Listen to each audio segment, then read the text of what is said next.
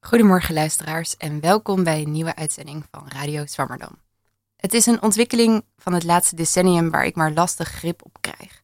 Dingen worden tegenwoordig georganiseerd op platforms.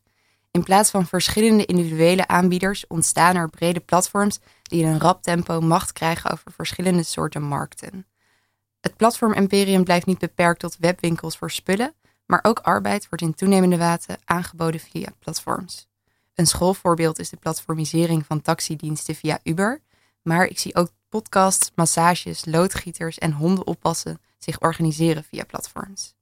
In deze uitzending van Radio Zwammerdam duiken we dieper in op dit fenomeen, waarbij ik in gesprek ga met sociaal wetenschappers Jelke Bosma en Eva Mos, die beide promoveren bij het onderzoeksproject Platform Labor van de Universiteit van Amsterdam, geïnitieerd door Niels van Doorn. Dit project heeft als doel om te onderzoeken hoe digitale platforms de manier waarop mensen werken en zichzelf en anderen onderhouden kunnen veranderen. Het project onderzoekt hoe platforms institutionele actoren zijn geworden, die een belangrijke impact kunnen hebben op relaties tussen burgers, markt en staat, en daarmee de macht hebben om kwetsbaarheden te creëren of om juist te versterken. In het project houdt Jelke Bosma zich bezig met het ontstaan van arbeid vanuit korte termijn verhuur via platforms, waarbij hij zich focust op Airbnb. En Eva Mos doet onderzoek naar zorg- en welzijnsplatformen. En mijn naam is Steentje van Heesen en u luistert naar Radio Zwammerdam. De techniek wordt vandaag verzorgd door Lilian Kingma en naast mij in de studio zit co-presentator Thomas Verhagen. Um, Thomas, wanneer heb jij voor het laatst gebruik gemaakt van een dienst via een platform? Oeh, dat is. Uh, moet ik even goed denken. Ik denk dat ik uh, voor het laatst. Ik weet niet of het een platform is, maar Too Good To Go heb gebruikt. Dan kan je dus je uh, ja, overige maaltijden of boodschappen die een supermarkt weggooit. die kun je dan ophalen voor een, een klein prijsje. Ook wel heel handig voor studenten. Ja, en, en wat, heb, wat heb je toen opgehaald via Go? van alles voor mij een paar pakken melk, groente, fruit en voor mij een beetje kipfilet. Oké, okay, klinkt goed. Klinkt ja. goed. Ja, want Jelke, ik wil graag met jou beginnen. Want ik heb nu een soort korte introductie gegeven over wat ik denk dat een platform is. Maar misschien is het goed als jij kan uitleggen wat, ja, hoe jullie het binnen het project definiëren. En misschien kan je ook meteen vertellen waarom Airbnb daar dan een voorbeeld van is. -hmm. Ja, um, nou, wat goed is om te weten is dat uh, platforms, die kan je zien als een soort multi-sided market. Dus wat ze eigenlijk doen is het faciliteren van um, contact en transacties tussen verschillende groepen. Dus vaak zijn dat dan verkopers. in Airbnb's geval verhuurders of Airbnb-hosts. maar het kunnen ook taxibestuurders zijn. Um, of allemaal andere soorten mensen die diensten of producten aanbieden. En die brengen ze samen met uh, groepen uh, kopers. Dus in Airbnb's geval zijn dat huurders uh, die, op die tijdelijke accommodatie nodig hebben in een stad waar ze zelf niet wonen meestal. Um, en wat goed is om te weten om het succes van platforms te beschrijven, is dat, dat er netwerkeffecten ontstaan. En wat dat eigenlijk zijn, is dat hoe meer mensen zich aan de ene kant van de platform bevinden, dus hoe meer verhuurders er zijn, hoe aantrekkelijker het wordt om voor huurders ook van het platform gebruik te gaan maken. En vice versa. Dus hoe meer aanbod er is, hoe meer mensen daar gaan zoeken voor een, een woning in een, in een stad waar ze op vakantie gaan. Ja. Um, ja, dus die combinatie maakt, maakt platforms heel, heel effectief en heel aantrekkelijk. Ja, ja want um, jullie pro project heet dan Platform Labor. specificeer je je onderzoek dan ook uh, vooral op die werkkant, dus hoe Airbnb een, een vorm van werk wordt? Ja, zeker. Um, werk speelt een belangrijke rol, ook op Airbnb, denk ik. Um, maar wat goed is om te weten is dat uh, we kijken naar platforms in bredere zin. Dus het gaat om, om werk. Uh, maar bij Airbnb speelt natuurlijk ook het bezit of de woning die je kan verhuren op Airbnb een belangrijke rol. En um, daarnaast zijn er ook partijen om platforms heen die er veel mee te doen hebben en waar we ook heel erg in geïnteresseerd zijn. Uh, denk bijvoorbeeld hier in Amsterdam aan de gemeente, um, maar ook buren van Airbnb-verhuurders.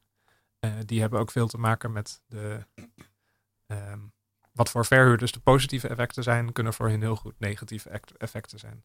Ja, ja want um, voor je onderzoek heb je onder andere interviews gehouden met ja, mensen die geld verdienen aan Airbnb, die, die een woning verhuren in Berlijn. Ehm, misschien kun je eerst kort vertellen hoe Airbnb er in, in Berlijn uitziet. Ja, ik, ik, heb een onderzoek gedaan in, in Berlijn in 2019. Uh, dus dat is even geleden en er zouden dus wat dingen veranderd kunnen zijn. Maar op dat moment waren er rond de 18.000 uh, listings, dus advertenties in, uh, in Berlijn. Um, in Amsterdam was ongeveer hetzelfde aantal listings, maar um, de vergelijking is net iets anders, omdat in Berlijn zo'n 4 miljoen inwoners wonen en hier in Amsterdam zijn dat er volgens mij 800, 850.000. Uh, dus relatief is Airbnb in Berlijn wat kleiner, uh, maar het is best wel geconcentreerd. Dus in, in bepaalde buurten, uh, populaire toeristenbuurten zoals Kreuzberg of Mitte, daar is het aantal listings per woning alsnog heel hoog. Um, wat regelgeving betreft lijkt Amsterdam best wel, of lijkt Berlijn best wel op Amsterdam. Um, je hebt daar officieel een registratienummer of een vergunning nodig om je woning te mogen verhuren via Airbnb. Um, dat zorgt ervoor dat de gemeente weet wie, uh, wie de verhuurders eigenlijk zijn. En uh, afhankelijk van wat voor soort woning je verhuurt, is er een uh, maximum aantal nachten dat je per jaar mag verhuren. Het varieert een beetje. Als je een, een, kamertje in je woning verhuurt, mag je meestal het hele jaar. Als je een tweede woning verhuurt, is dat 90, 90 nachten per jaar. En als het in je eigen woning is, hangt het af van wat voor soort vergunning je hebt. En wat verder nog wel goed is om te vermelden, denk ik, is dat zeker in de tijd dat ik daar was, uh, was er erg veel protest tegen Airbnb. Um, dat verschilt denk ik een beetje van uh, hier in Amsterdam. Hier in Amsterdam is ook wel veel protest, maar gaat het vooral over overtoerisme. En heeft dat meestal betrekking op uh, woningen in het centrum van de stad, op de Wallen. Um, in Berlijn zag je dat in veel meer buurten. En waren er, toen ik er was, waren er demonstraties tegen Airbnb. Eh, er hingen overal posters uh, tegen Airbnb. En heeft de, de kritiek um, relatief meer betrekking op de woningen die ontrokken worden aan de woningmarkt. Doordat ze verhuurd worden via Airbnb. Oh ja. Ja, want, want je interviewde dan die, die host. Dat is hoe de, hoe de mensen die verhuren worden genoemd. Um, ja, wat is een host precies? Ja, dat, is, dat lijkt aan de ene kant heel uh, vanzelfsprekend en heel makkelijk. Dat is een verhuurder op Airbnb. Maar als je goed kijkt, zie je dat er eigenlijk heel veel verschillende soorten hosts zijn. Alleen al op het platform heb je uh, gewone host, maar ook co-hosts. Uh, dus dat zijn mensen die je helpen met het verhuren van een woning bij een andere host. um, En je hebt wat ze op Airbnb uh, listing owners noemen. Dus dat zijn de mensen die eigenlijk de eigenaar zijn van een listing. Um, en als je dan nog verder kijkt, dan zie je dat niet alleen die, die drie categorieën die Airbnb al ziet, uh, dat het nog veel verder gespecificeerd kan worden. Um, dat maakt onder andere uit uh, wanneer je kijkt naar wat voor soort bezit verhuurders hebben. Dus sommige mensen verhuren hun eigen woning. Um, maar er zijn ook heel veel verhuurders die uh, dat doen voor anderen. Dus dat zijn dan een soort van sleutelbedrijven of conciërgebedrijven noemen ze zichzelf ook wel. En uh, die zijn host namens andere woningbezitters op Airbnb. En tot slot maakt het nog heel erg uit wat voor soort uh, werk die hosts dan eigenlijk doen. dus het kan zijn dat iemand in zijn eigen woning al het werk dat bij hosten komt kijken zelf doet. Uh, dus die maken zelf schoon, die hebben, doen de communicatie met gasten, die beheren het platform. Uh, die zijn thuis wanneer gasten aankomen. Maar uh, die sleutelbedrijven bijvoorbeeld, die delen dat vaak op in heel veel verschillende soorten werk. Um, dus de host die je dan op Airbnb ziet, is niet noodzakelijk ook degene die jou ontvangt als je aankomt in je vakantiewoning. Ja, want die soort van, ik denk die, die laatste categorie waar je het nu over hebt, volgens mij noem je dat in je onderzoek professionele verhuurders.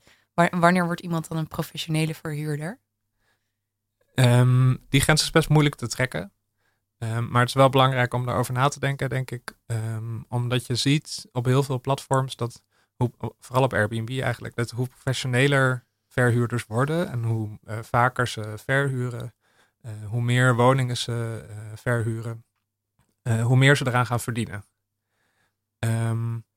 maar een, een zwart-wit onderscheid is best wel moeilijk te maken. Maar als mensen dat proberen, kijken ze vaak naar, verhuren ze één woning of meerdere. verhuren ze een kamer of hele woningen. En verhuren ze uh, voor een maand of twee maanden per jaar. Of doen ze dat in principe het hele jaar door. Ja. Uh, dus dat zijn verschillende uh, criteria waar je naar zou kunnen kijken. Ja, ja want nou ja, het, het is dus heel erg duidelijk dat er mensen zijn die, die profiteren, die geld verdienen van deze nieuwe vorm van arbeid eigenlijk. Um, maar je, je schrijft ook over een bepaalde ongelijkheid die er ontstaat in de arbeidsmarkt. Of misschien die versterkt wordt.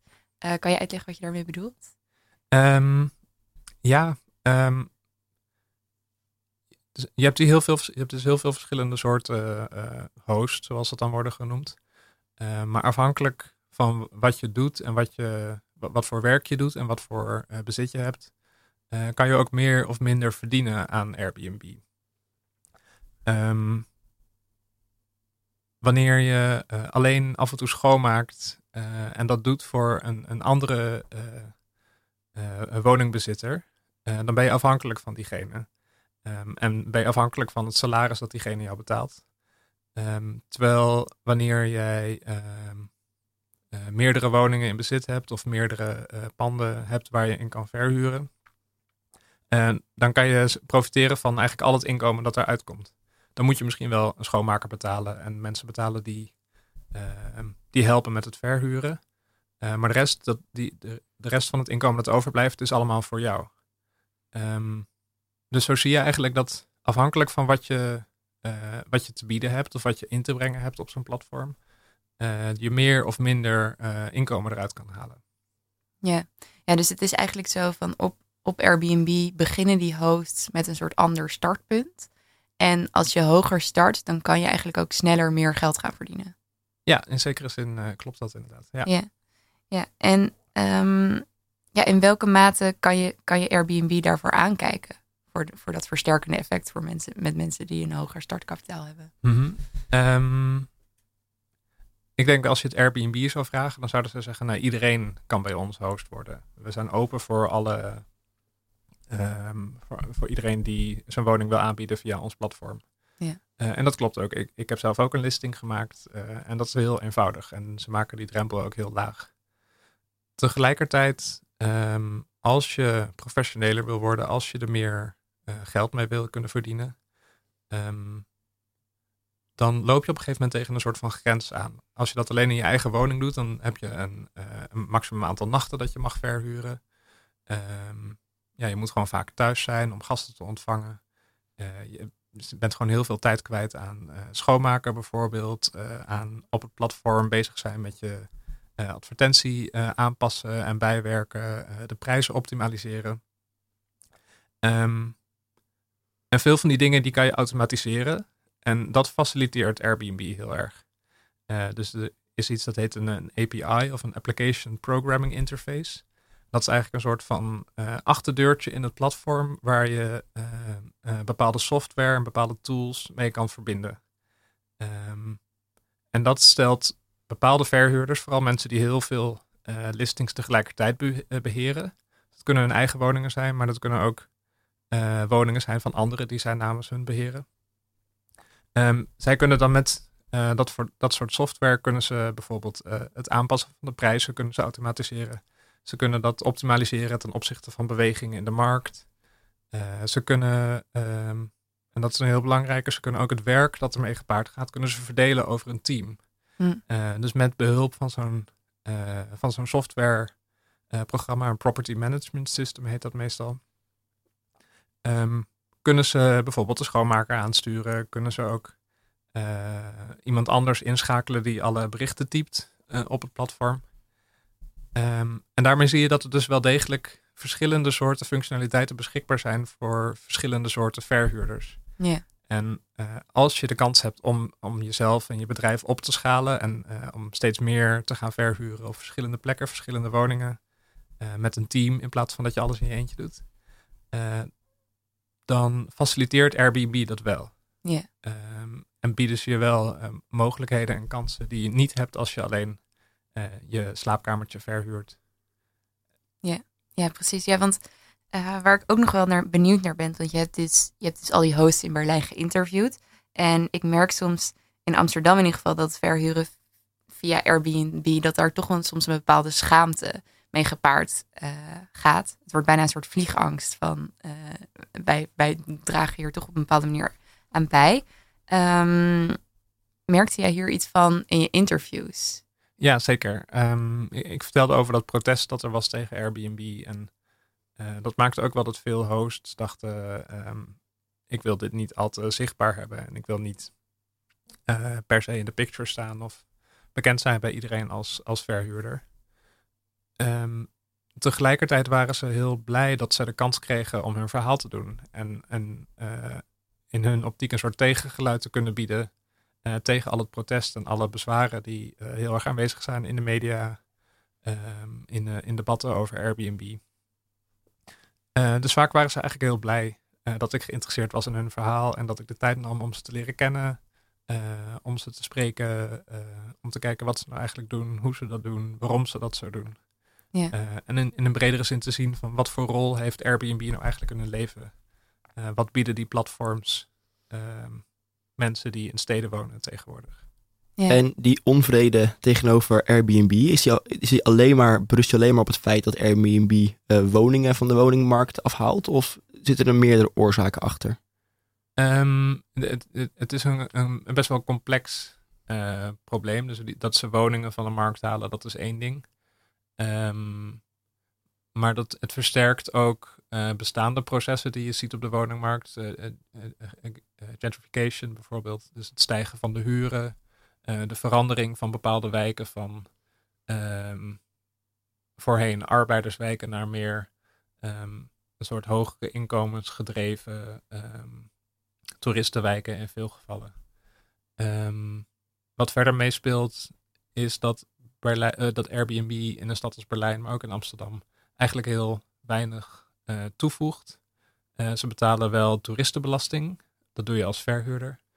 Um, maar ze betalen geen belasting over de bedrijfswinsten van zo'n platform als Airbnb. Dus die stromen eigenlijk allemaal naar Ierland. En in Ierland betaalt Airbnb een beetje belasting.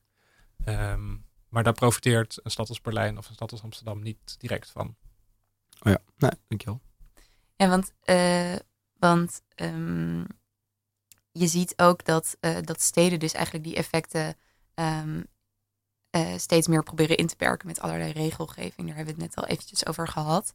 Um, en in dat debat hoor je naar mijn idee heel vaak het, het woord leefbaarheid. hoe, hoe beïnvloedt Airbnb of het, het, toerisme dat door, door Airbnb veroorzaakt wordt die leefbaarheid? En op welke manier is dat dan anders dan een soort van regulier toerisme? Nou, bij regulier toerisme is dat vaak heel erg geconcentreerd op bepaalde plekken en in bepaalde gebouwen. Uh, en dat zijn vaak hotels. Um, en die hotels die staan uh, in de meeste gevallen uh, in centrale locaties, dus in, in het centrum. Um, en op goed bereikbare plekken. Dus denk aan gebieden rond Sloterdijk of rond andere grote stations, Schiphol bijvoorbeeld. Um, mensen die een woning verhuren van Airbnb doen dat in hun woning in de meeste gevallen.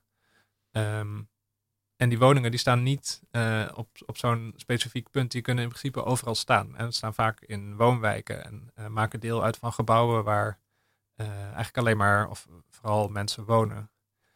En dat zorgt ervoor dat toerisme opeens op een heel andere plek plaatsvindt. En je kan je voorstellen dat als jouw buren op vakantie zijn en er zit een, groep toeristen die hier komt alhoewel, je, je, mag in Amsterdam maximaal vier mensen in je, in je woning hebben. Maar goed, het zijn uh, misschien vier uh, toeristen die komen voor andere, een ander doel naar Amsterdam dan wanneer dan, dan, dan jij zelf hebt. Dus die gaan niet ochtends om acht uur naar hun werk. Um, die blijven later op. Um, die zijn er veel korter, dus die leer je ook niet kennen. Dus zo zie je dat in, in woonwijken een andere groep mensen uh, terechtkomt die andere belangen heeft, andere interesses heeft, een ander ritme heeft. En dat maakt vaak dat de leefbaarheid onder druk komt te staan. Ja, ja en um, wat ik dan interessant vind aan Airbnb, en dat zie je misschien ook wel bij andere platforms, is dat het dus begint met een soort van heel romantisch deeleconomie-idee, maar uiteindelijk wordt het dus een soort van gigantische macht eigenlijk die effecten kan hebben voor de leefbaarheid in de stad. Um, kan je misschien iets vertellen over hoe die ontwikkeling ging bij Airbnb? Ja, Ehm, wat je vaak ziet bij platforms is dat ze naar steden komen en dan eh, als doel hebben om eerst zo snel mogelijk te groeien en een, marktpositie te verwerven. Ehm, dus dat zag je ook bij Airbnb. Die zijn heel snel gegroeid uh, in Amsterdam, maar ook in Berlijn. Ehm, en dat maakt dat het op een gegeven moment dan, dan is dat er. En mensen zijn gewend dat dat bestaat. Uh, verhuurders raken ook afhankelijk van het inkomen van Airbnb.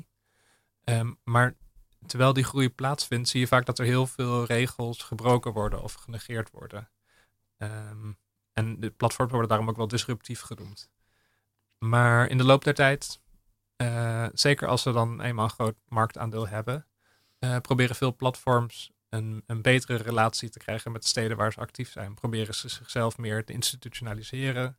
Um, en in plaats van die regels te breken, uh, zie je vaak dat ze zich juist erop gaan richten om die regels te veranderen. Uh, en ervoor te zorgen dat uh, verhuur van je woning wel toegestaan is onder bepaalde gunstige voorwaarden. Um, en in plaats van dat ze dan een strijd aangaan met gemeentes, proberen ze een soort partner te worden. In het geval van Airbnb zie je dat nu bijvoorbeeld met samenwerking al best wel lange tijd voor het, het uh, uh, verzamelen van toeristenbelasting. Uh, maar ook het delen van gegevens van verhuurders. Um, zodat de gemeente kan proberen de, de regels te handhaven, een illegale verhuur aan te pakken. Ja. dus grofweg zie je eerst een soort van, van tegengestelde strijd. Um, en langzamerhand ver, verandert dat naar meer samenwerking. Um, daar is nog wel een kleine kanttekening bij te plaatsen. In het begin, uh, zo rond 2014 tot 2018, uh, heeft Amsterdam ook samengewerkt met Airbnb en hebben ze ook partnerships gesloten. Uh, hebben ze een soort samenwerkingsovereenkomst ingesteld, waarbij Airbnb is begonnen met die toeristenbelasting verzamelen. Um, en dat, dat leek eerst een, een goede samenwerking, maar naarmate Amsterdam strengere regels wilde gaan invoeren, uh, dus eerst was er maximaal het uh, verhuurtermijn van 60 dagen. Dat is toen verminderd naar 30 dagen. Toen heeft Airbnb gezegd, nou dit is ons te veel. Uh, we stappen uit deze samenwerking. Um, dus al met al zie je een soort van push-pull proces. Waarbij ze elkaar tegelijkertijd wegdrukken. Maar aan de andere kant ook weer proberen aan te trekken. Zo'n platform wil samenwerken en wil dat steden afhankelijk worden van ze. Um, maar steden die zien ook problemen en proberen dat te reguleren. En zo krijg je continu een soort van strijd tussen beide partijen. Ja, want, want hoe, hoe ziet die macht van Airbnb er dan uit? En, en wat, wat houdt die in? Um, ik denk dat twee dingen belangrijk zijn. Um, Zo'n platform uh, bindt heel veel gebruikers aan zich. Dus heel veel verhuurders en huurders. En uh, kan daardoor ook gebruik maken van de macht die die verhuurders hebben. Uh, in Amsterdam zie je dat uh, die zich verenigen in bijvoorbeeld een, een organisatie als Amsterdam Gastvrij. die strijdt voor de belangen van bed and breakfast houders en vakantieverhuurders. En ik denk dat Airbnb daarvan mee profiteert.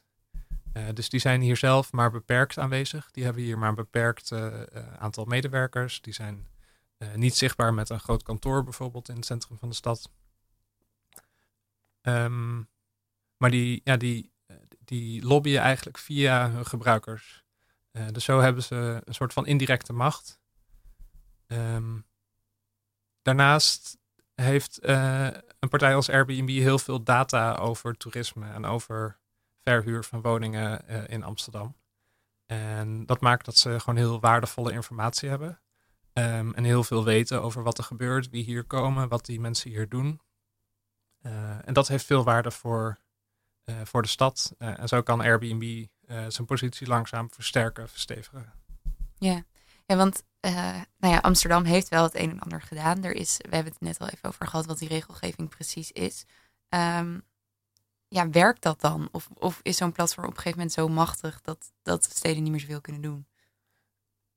Um, ik denk dat het werkt tot op zekere hoogte. Uh, wat je nu ziet is dat uh, Amsterdam een registratieplicht heeft ingevoerd. ingevoerd. Dus je hebt een registratienummer nodig als verhuurder om uh, überhaupt een advertentie op Airbnb te mogen hebben. Um, dat systeem is in oktober vorig jaar ingevoerd. En op dat moment zag je dat het aantal listings van uit mijn hoofd 20.000 zakte naar 4.000. Oh, wow. uh, dus er zijn eigenlijk op één, in één klap zijn 16.000 listings verwijderd. en daar heeft Airbnb actief aan meegewerkt. Um, dus in die zin denk ik dat regulering werkt tegelijkertijd uh, zijn er altijd um, veel manieren om te proberen die regulering te ontwijken. Um, vooral in Berlijn zie je dat erg sterk. Daar is eenzelfde soort registratieplicht. Uh, die geldt daar al, ik denk inmiddels drie jaar. Um, maar slechts 25% van de advertenties heeft daadwerkelijk een registratienummer op, uh, op zijn advertentie staan. en wat je verder ziet is dat uh, platforms eigenlijk heel wendbaar zijn. Dus die begonnen met de verhuur van woningen. Maar inmiddels kan je ook een hotelkamer verhuren via Airbnb. Um, in een stad als Berlijn zijn veel uh, professionele verhuurders. Die zijn niet meer in woningen gaan verhuren, maar in commercieel vastgoed. Dus in, in een winkelpand bijvoorbeeld. Um, dat maakt dat ze niet gebonden zijn aan de regelgeving die geldt voor verhuur van woningen. En dat ze opeens gewoon het hele jaar door kunnen verhuren. Uh, en daarmee veel meer uh, inkomen kunnen genereren, veel meer geld kunnen verdienen. Um, de vraag is dan, is dat de, eigenlijk, is dat de macht van, van Airbnb? Uh, of is dat, ja, gebeurt dat gewoon via het platform? Ik denk dat Airbnb wel degelijk door de groei en door zo aanwezig te blijven, daadwerkelijk macht weten te, te, te, op te bouwen. Um, bijvoorbeeld doordat steden steeds meer afhankelijk van ze worden voor toeristenbelastinginkomsten. en tijdens de crisis zag je dat best wel goed. Toen is de toeristenbelasting in Amsterdam, de inkomsten daarvan zijn volgens mij voor, met 75% verminderd. Um, ja, en dat is een van de weinige manieren waarop steden zelf belasting kunnen innen en zelf inkomen kunnen genereren. En dat verliezen ze als platforms zich terugtrekken, als die minder actief worden, als er minder mensen via platforms naar zo'n stad komen. Ja, en dus aan de ene kant zien we, zien we een, tegengeluid, maar we zien ook dat die, die macht toch wel behouden blijft. Hoe, hoe kijk je naar de toekomst van Airbnb? Hoe gaat dit zich verder ontwikkelen? Um, er zijn een paar interessante ontwikkelingen uh, binnen, binnen Airbnb.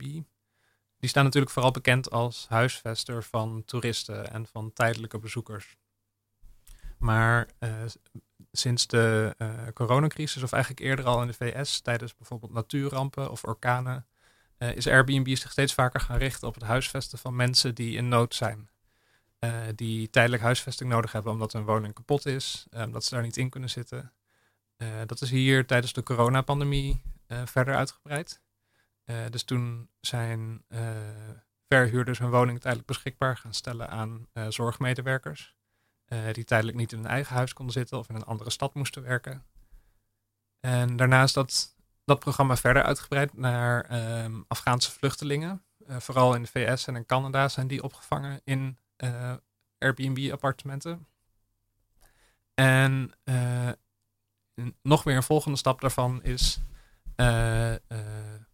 het opvangen van Oekraïense vluchtelingen. En hier in Nederland zie je dat niet heel veel gebeuren, maar in Berlijn heeft Airbnb partnerships gesloten met de ministeries die verantwoordelijk zijn voor het opvangen van vluchtelingen. en zorgen ze ervoor dat verhuurders, Airbnb-hosts, dat die gekoppeld worden aan vluchtelingen die tijdelijk huisvesting nodig hebben. Dus zo zie je dat Airbnb zichzelf steeds meer in nieuwe velden weet te manoeuvreren. En niet meer alleen een probleem is voor steden, maar steeds vaker probeert toegevoegde waarde te creëren. En een, een, partner of een goede samenwerkingskandidaat te zijn, um, die kan helpen met het oplossen van problemen waar steden voor staan. Um, het is de vraag hoe dat zich uiteindelijk ontwikkelt en of dat succes heeft. Uh, of mensen daarin geloven, of dat ze denken, nou is het niet vooral een soort marketingtrucje. Um, maar ik denk dat het wel een heel interessante ontwikkeling is. Ja, ja dankjewel Jelke. Ik denk dat we straks ehm, met Eva het nog veel meer gaan hebben over, over platforms als sociale actoren. Ehm, maar eerst gaan we even luisteren naar de column van deze week. En die is geschreven door Afke Kok. Toen ik ook bij mijn derde onderzoekstage, ondanks de prettige sfeer in het lab, moest concluderen dat dit niet de plek was waar ik mezelf later zag werken, besloot ik het over een andere boeg te gooien en een masterspecialisatie wetenschapscommunicatie te volgen. Dat bleek een schot in de roos, maar het betekende wel dat mijn toekomstperspectief veranderde naar op zijn minst vijf jaar ploeteren als freelance wetenschapsjournalist, voor ik wellicht ergens op een redactie terecht kon. Dat was althans de inschatting die mijn stagegenootje en ik maakten toen we stukjes schreven voor New Scientist. Geen prettig perspectief, want een anoniem platform voor vraag en aanbod van freelance werk voor wetenschapsjournalisten bestaat bij mijn weten niet. En anders wordt het niet of nauwelijks gebruikt. Een simpele druk op een knop is er dus niet bij. Nee, als freelance wetenschapsjournalist moet je zelf persoonlijke contacten leggen om ergens een klus te versieren. Netwerken dus.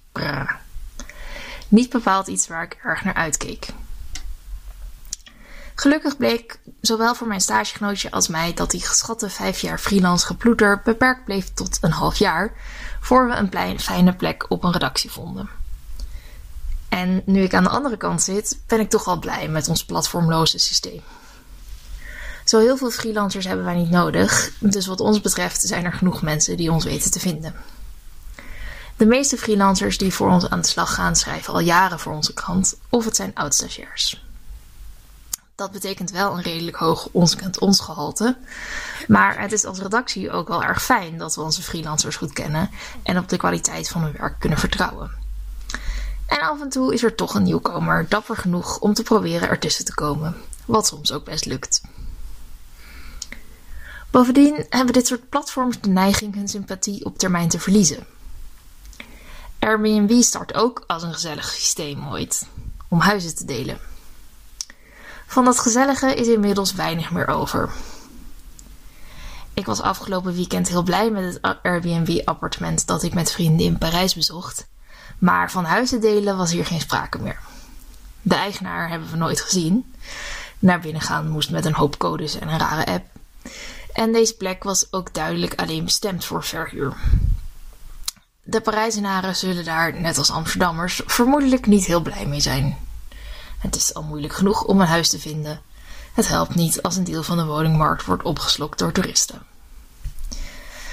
Nu zijn de dossiers woningmarkt en toerisme voor Amsterdam denk ik behoorlijk dik en is Airbnb maar een onderdeeltje van de problemen hierin. Veranonymisering daarentegen is denk ik wel een trend die elk platform als het groot genoeg gooit gaat doormaken. Persoonlijk kennismaken daalt nu eenmaal op het prioriteitenlijstje als vraag en aanbod via zo'n systeem maar groot genoeg zijn. Of het nu om een huis of een redactie gaat. Dat is soms wel lekker makkelijk, want met mijn gebrekkige Frans een sleuteloverdracht en rondleiding door een huis meemaken zou best een dingetje zijn. En als beginnende freelance journalist zorgen dat je persoonlijk kennis maakt met je potentiële opdrachtgever kan een hele uitdaging vormen. Maar als het dan lukt, is het wel een stuk gezelliger. Streven naar kleinschaligheid en gezelligheid is misschien een beetje ouderwets. Maar dat neem ik dan maar voor lief. Voorlopig hoop ik toch dat de platforms voor mijn werk in elk geval nog even uitblijven. Ja, dankjewel uh, Afke voor deze column. Ik denk dat hij heel goed illustreert waar ik het, waar ik het net met Jelke over heb gehad. Ehm, en Eva, jij onderzoekt een andere kant van digitale platforms, namelijk de rol die ze spelen in de uh, sociale en zorgsector. Um, en ik wil graag beginnen met jouw onderzoek binnen de betaalde zorgsector, um, namelijk het onderzoek naar het Duitse zorgplatform Betrooid.de. kun je misschien uitleggen wat voor platform dat, dat is? Ja, zeker. Misschien moet ik eerst nog één zin zeggen over wat voor soort platform ik überhaupt onderzoek. Want voor de veel mensen zijn die minder zichtbaar en uh, worden die minder gebruikt dan bijvoorbeeld platforms zoals uh, Airbnb of Uber. Vaak kom je, er, kom je dit soort platformen pas tegen op het moment dat jij zorg nodig hebt zelf of voor je ouders. Vaak gaat het ook vaak om ouderenzorg. Wordt bijvoorbeeld ook um, kinderzorg, dus nannies, vaak via apps en platformen bemiddeld. Ehm, maar wat je moet voorstellen bij dit soort platforms, platforms zijn eigenlijk ja, intermediairs, platformen die allerlei soorten zorgservices bemiddelen. Dus dat kan zijn betaalde thuiszorg, maar het kan ook zijn vrijwillige diensten, waar we het later nog over gaan hebben. En inderdaad, in, in Duitsland heb ik uh, onderzoek gedaan naar het platform betrooid.de, wat zoveel betekent als uh, verzorgd.de. Um, en dat is eigenlijk een dochterbedrijf van een veel groter Amerikaans concern. Dus laat ook zien dat veel van dit soort zorgplatformen toch ook wel globaal willen gaan en een soort globale zorgactor willen worden. Um, en dat grote Amerikaans concern is al opgericht in 2006, dus best wel eigenlijk voor veel andere grote platformen zoals Airbnb of Uber. Um, en dat platform zit in meer dan twintig verschillende landen, waaronder dus in Duitsland. En ja, dat platform is eigenlijk een soort marktplaats waar um, zorgverleners worden gekoppeld of gematcht aan individuele huishoudens. Dus wat Jouke eerder ook al zei, een soort van multi-sided market. Wat hier wordt geprobeerd te platformiseren is een soort zorgservice. Dus um, mensen die op zoek zijn naar zorg kunnen hier met behulp van algoritmen, maar ook met behulp van nou ja, eigen matchingstechnieken, um, hun eigen voorkeuren, kunnen zij daar een, een vrijwillige of een betaalde zorgmedewerker vinden. Ja, ja want betrooid.de uh, zit in Duitsland, maar uh, zie je ook zo'n soort platform in Nederland? Je ziet ze mondjesmaat um, opkomen, maar ze blijven vaak klein. Trouwens, in Duitsland blijven ze ook vaak klein hoor. Ik zal zo uitleggen uh, waarom. Maar je hebt wel een aantal um, platformen die het proberen. Eentje daarvan is Mantelaar in Amsterdam met name zitten die. Die proberen zorgstudenten te koppelen aan, aan ouderen vaak. Dus die hebben dan al een beetje deels medische achtergrond. Um, je hebt ook nog Roamler Care. Die zitten meer in de, echt in de thuiszorgorganisaties. Dus bijvoorbeeld um, ja, mensen die naast hun baan in een, in een standaard thuiszorg, thuiszorgorganisatie nog iets bij willen verdienen. En dan via een platform nog wat extra werk kunnen doen. Maar het is best wel een lastige sector. omdat je altijd te maken hebt met zorgverzekeraars. Uh, dus op het moment dat je zorg wil gaan leveren, moet je zorgen dat je een soort contract hebt met zorgverzekeraars. En um, je ziet toch, met name in Nederland, zie je toch best wel een grote geïnstitutionaliseerde macht nog steeds van uh, de bestaande thuiszorgorganisaties. Die vaak ook contracteren met gemeenten en, en zorgverzekeraars. Dus het is best moeilijk voor platformen om daartussen te komen. Want je mag niet zomaar zorg leveren. Dus in die zin is het ook wel interessant dat je in, deze sector ziet dat platformen best moeilijk van de grond komen um, makkelijker kunnen opschalen of netwerkeffecten kunnen bereiken, zoals uh, eerder uitlegde. Uh, dus het is ook weer niet zo dat platformen in elke sector van de samenleving zomaar goed werken. Um, ja, dus in Nederland zijn ze denk ik deels kleiner, omdat die thuiszorgsector nog best wel groot is en geïnstitutionaliseerd. Um, aan de andere kant heb ik ook in Duitsland gemerkt dat mensen een heel erg anti-verpleeghuis sentiment hebben ik denk dat in Nederland nog best wel mensen, als ze een plekje kunnen krijgen, bereid zijn om hun ouders uh, naar een verzorgingsthuis uh, te sturen. Maar in Duitsland heb je echt best wel een grote schifting tussen publiek georganiseerde verpleeghuizen, waar de kwaliteit heel slecht is, waar het eten slecht is, waar er geen persoonlijke aandacht is. Um, en veel, ja, toch mensen, familieleden die ik heb gesproken, zeggen van, nou, ik wil zo lang mogelijk wachten om mijn ouders naar een verzorgingsthuis te sturen. Dus vaak als een soort tussenoplossing zie je dan dat, dat dit soort platformen, die dan een soort zorg aan huis leveren, um, daartussenin uh, springen. Dus het heeft zeker ook te maken met een soort slechte kwaliteit van publieke zorg. En dat mensen dan naar dit soort platformen gaan omdat daar iets meer persoonlijke aandacht is. Uh, dat ze zelf kunnen kiezen wie hun, hun, hun vader of moeder gaat verzorgen. Ja. ja. Want je hebt deze mensen geïnterviewd die, um, die gebruik gaan maken van zo'n zorgplatform. Um, ja, wat voor mensen zijn dat? Waarom uh, is het zoeken van zorg via een platform aantrekkelijk? Ja, dat heeft dus voor een deel, ik praat nu even over de consumentenkant, hè, dus degene yeah. die de zorg uh, ontvangen. Want voor de werk, werknemers die de zorg leveren is het uh, niet altijd ideaal. Maar voor zeg maar de, de consument die de zorg ontvangt, um, is het prettig omdat uh, wat ik net ook al zei, vaak is er binnen de bestaande zorg geen ruimte voor persoonlijke aandacht. Een gesprekje, een kopje koffie. Dan kom je dus gelijk met een soort van bezuinigings, um, bezuinigingsproces die in de zorg hebben plaatsgevonden, ook in Duitsland. Dus ja, de zorg wordt geleverd, maar alles eromheen. Dus tijd nemen, extra dingen doen. Iemand naar buiten nemen, een wandelingetje. Al dat soort verzorgingsachtige diensten die niet medische zorg zijn.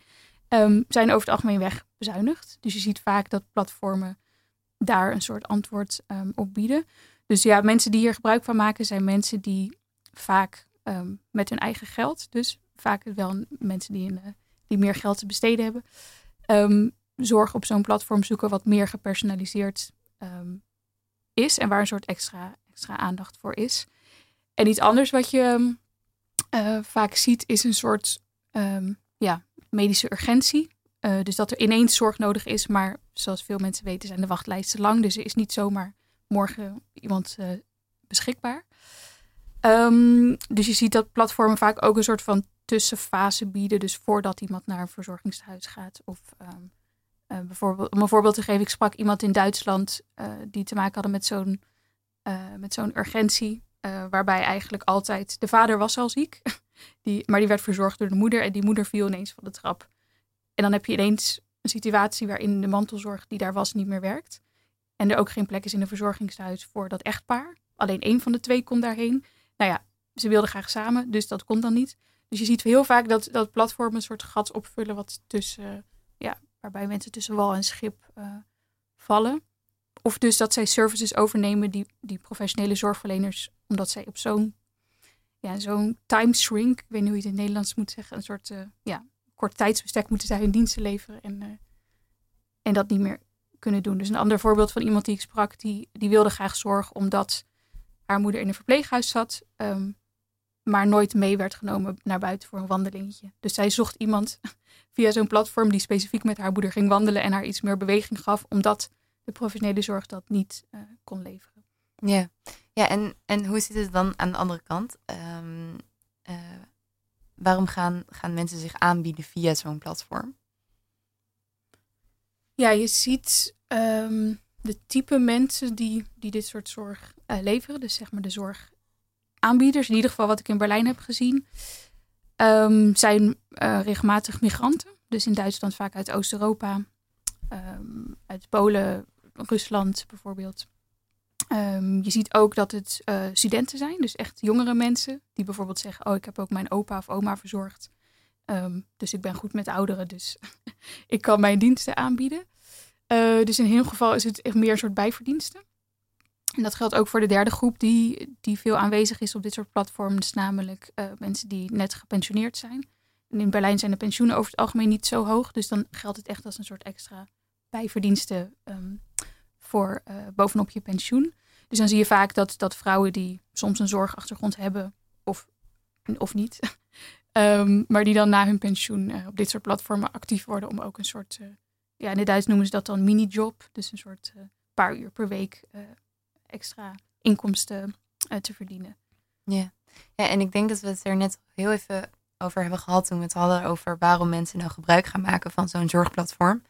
Um, maar jij plaatst de opkomst van dit soort platforms eigenlijk binnen uh, een veranderende verzorgingsstaat. Uh, Post-welfare noem je het in je onderzoek. Mm, kun, je, kun je uitleggen wat, wat je daarmee bedoelt?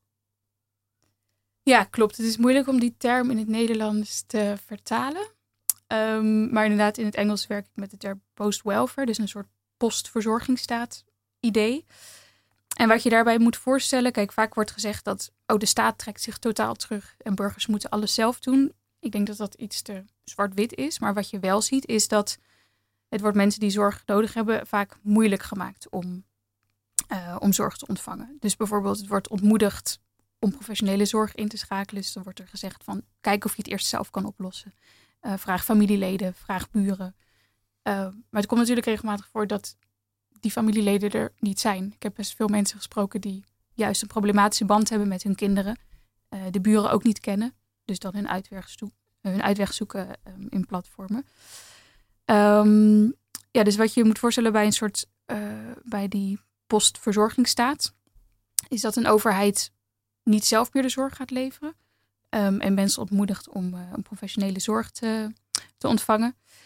Maar ook dus dat, ze, dat de gemeente bijvoorbeeld of overheid meer ruimte biedt aan private partijen. Dit soort platformen zijn vaak uh, private bedrijven. Um, om dit soort diensten over te, uh, over te nemen. Dus de overheid wordt dan een soort facilitator. Die betaalt een deel van de diensten. Um, en de overheid wordt een soort contractpersoon van dit soort, van dit soort platformen. Ja, dus, ehm, dus eigenlijk hebben die zorgplatforms een soort heel een, een soort hele goede plek gevonden binnen dat zorg, zorg, veranderende zorglandschap. Uh, en, en moet je dat dan zien als in uh, zij vervullen een, een, functie waarin de overheid tekort schoot? dus een soort van meer een soort van maatschappelijke rol die ze gaan vervullen? Of is het meer gewoon ook een, een soort privaat bedrijf wat een gat in de markt ziet? Ja, het is best ingewikkeld om een soort van oorzaak-effect te zien. Want ja, als je het hebt over privatisering, eh, vermarkting van de zorg, dat begint ook al in de jaren negentig. En dit soort platformen zijn dus over het algemeen pas vanaf nou ja, 2010 of zo opgekomen. Um, maar het is wel zo, wat ik eerder ook zei, dat, dat dit soort platformen nou ja, diensten bieden die een overheid vaak niet uh, uh, kan bieden. Um, vanwege verschillende redenen. Dus dat kunnen bezuinigingen zijn of, of tekort aan zorgpersoneel. Um, het is alleen wel, ja, ik heb ook een beetje meegedraaid met dit soort platformen aan de achterkant. En het is echt niet zo dat deze platformen elke dag bezig zijn met, oh, waar is de overheid afwezig? Dan gaan wij daar in dat gat springen. Nee, hun, hun, ze zijn businesses, dus eh, bedrijven. En zij proberen gewoon elke dag te zoeken naar, oh, waar kunnen wij op de zorgmarkt uh, geld verdienen of een businessmodel uithalen. En dat kan, uh, kan zijn in, in, samenwerking met, met de overheid, maar kan ook zijn in um, samenwerking met bedrijven. Wat je bijvoorbeeld ziet is dat uh, Care.com, dat is dat grote Amerikaans concern waar ik het in het begin over had, uh, ook steeds meer, die doen dan een soort care for companies, heet dat. Dus zij leveren eigenlijk zorgdiensten aan bedrijven. Dus ingewikkeld om uit te leggen, maar um, bedrijven kopen die zorg in en die kunnen die zorg vervolgens weer aan hun medewerkers um, uh, geven als een soort van dienst. Dus als mensen, eh, hun medewerkers geen nanny of niemand hebben voor hun ouderen, om voor hun ouders te zorgen. Um, dat soort dingen uh, zie je opkomen. Dus het is niet zo dat ze alleen in een soort van overheidspubliek mm. veld zitten. Um, maar eigenlijk hun, um, ja, hun, hun, hun markt overal proberen te zoeken. En misschien een laatste voorbeeld om te noemen is in dat geval um, Betroid.de, dus dat Duitse platform, uh, is sinds kort ook begonnen met het recruteren van zorgmedewerkers uit de Filipijnen.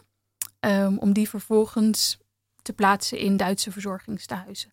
Uh, dus je ziet bij dit soort platforms dat ze, ja, ze bieden een platform, maar ze, mengen zich ook op andere manieren. Wat Jelke eerder ook al zei, een platform blijft nooit alleen een platform.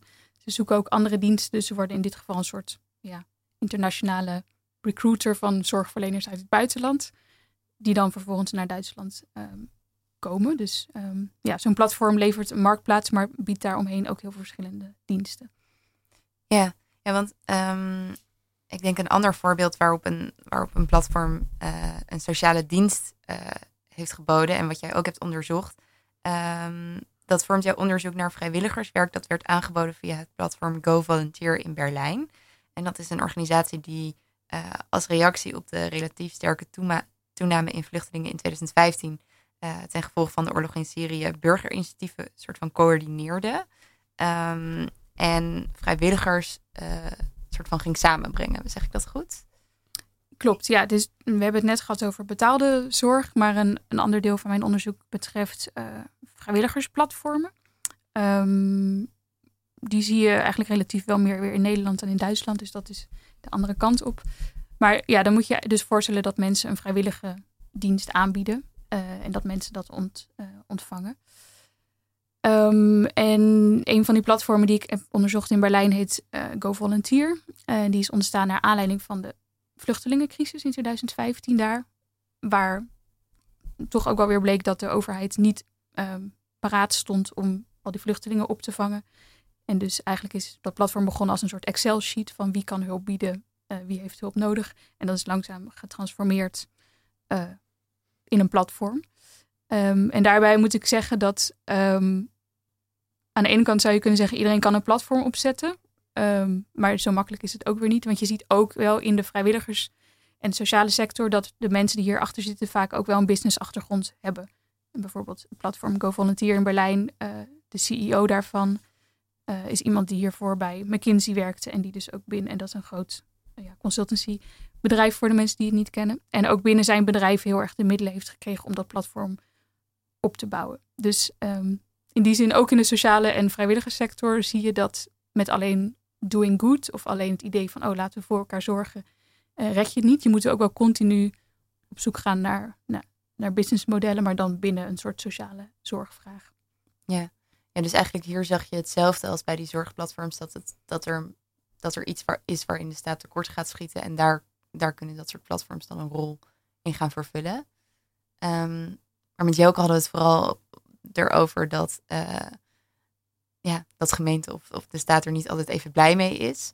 Um, hoe zie je dat bij die zorg en bij die vrijwilligersplatforms? Ja, ik denk dat kritiek op dit soort platformen is er nog niet zo heel erg. Um, ook omdat er gewoon zo'n ontzettende behoefte is in de samenleving aan uh, goedkoop of zelfs vrijwillig zorgpersoneel. Dus ook in Nederland sinds, nou, sinds 2015 met name de, de draai naar de participatiemaatschappij. Um, zie je dat vrijwilligerswerk heel erg wordt aangemoedigd. En dat gemeenten ook nog heel erg op zoek zijn naar hoe moeten we dat organiseren. Uh, we hebben er zelf niet de middelen voor. Dus uh, ja, dat dit soort platformen best wel welkome spelers zijn. Of een welkome partner, moet ik eigenlijk zeggen. Um, voor overheden, uh, zodat platformen dan vrijwilligerswerk kunnen organiseren. En opnieuw de gemeente alleen de, de partij zijn die, ja, die daar ook een, een belang bij hebben. En die daar de financiering dan voor bieden. Ja, ja dus, um, uh, dus het is eigenlijk meer een soort samenwerking met, met de staat en met de gemeente. Ja, zeker bij de vrijwilligerssector moet ik erbij zeggen. Bij de betaalde zorg dus iets minder. Maar um, dit soort vrijwilligersplatforms um, sluiten inderdaad contracten met gemeenten. dus ja, een groot platform in Nederland is NL voor elkaar. Die hebben volgens mij iets van contracten met 50 verschillende gemeenten uh, in Nederland. Um, en ja, daar zie je dus inderdaad, ik bedoel, het blijft een spel hoor, want de gemeente moet altijd uh, geld vrijmaken en die platformen moeten ook weer hun positie zien te verwerven in zo'n uh, in zo'n publiek veld. Um, maar je ziet inderdaad daar heel veel meer samenwerking en partnerships en minder, zoals bij Airbnb of andere grote platformen, een soort kritiek of een soort uh, antagonische relatie. Zeg maar. En wat voor mensen zijn er dan actief op zo'n vrijwilligersplatform? Ja, dat is een goede, een goede vraag. Um, eigenlijk is dat heel divers. Um, maar het zijn natuurlijk wel mensen die, ja, die de tijd hebben om naast hun werk uh, of naast hun drukke baan uh, iets te doen. Dat is ook precies zeg maar, het, het gat waar dit soort platformen op inspelen. Dus wil je iets doen in je drukke leven, gaan een paar uurtjes per week iets goeds doen, uh, doe dat dan. Uh, maar ik zie daar toch ook wel voornamelijk weer studenten en, en gepensioneerde mensen. dus um, ik moet wel zeggen dat in de coronacrisis heel veel mensen die hiervoor nooit vrijwilligerswerk hadden gedaan, dit soort platformen konden gebruiken om dan ook iets te doen. Maar je ziet over het algemeen ja, dat het jongere mensen zijn die ervaring willen opdoen of iets buiten hun studie willen doen. Of mensen die ineens um, na hun, na hun pensioen tijd hebben. En de laatste groep die ik nog veel zie op dit soort platformen zijn mensen die ineens werkeloos zijn geworden. Dus dat zag je met name in de coronacrisis ook veel. Mensen die altijd een baan hebben gehad en ineens zonder werk zitten en iets zoeken om uh, ja, iets nieuws ja. zoeken om te doen. Ja, ik, ik hoorde de eindtune al, maar uh, dankjewel Eva. Ik denk dat het heel erg interessant was, omdat we aan de ene kant nu hebben gezien hoe, hoe platforms een soort sociale actoren kunnen, zien, kunnen worden. Um, maar dat Jelke heel goed een andere kant van de platforms heeft beschreven. Um, en daarmee zijn we aan het einde gekomen van deze uitzending van uh, Radio Zwammerdam op Radio Salto. En vandaag hadden we het over digitale platforms met Jelke Bosma en met Eva Mos. Um, de column was van Aafke Kok en mijn medepresentator was Thomas Verhagen. Uh, Lilian, uh, die wil ik graag bedanken voor de techniek. En deze en andere uitzendingen kunt u terugluisteren als podcast op onze website radiozwammerdam.nl. Maar we zijn ook te vinden op Spotify, Soundcloud en iTunes. Uh, wilt u reageren op deze uitzending, dan kan dat ook via Instagram, het Radio Zwammerdam, of op Facebook of Twitter. Um, en u kunt ook reageren door een mailtje te sturen naar redactie.radiozwammerdam.nl. Mijn naam is Steentje van Hezen en ik was de presentator van vandaag. Volgende week zijn we er weer met een nieuwe uitzending over wetenschap op Radio Salto. Bedankt voor het luisteren en nog een hele fijne zondag.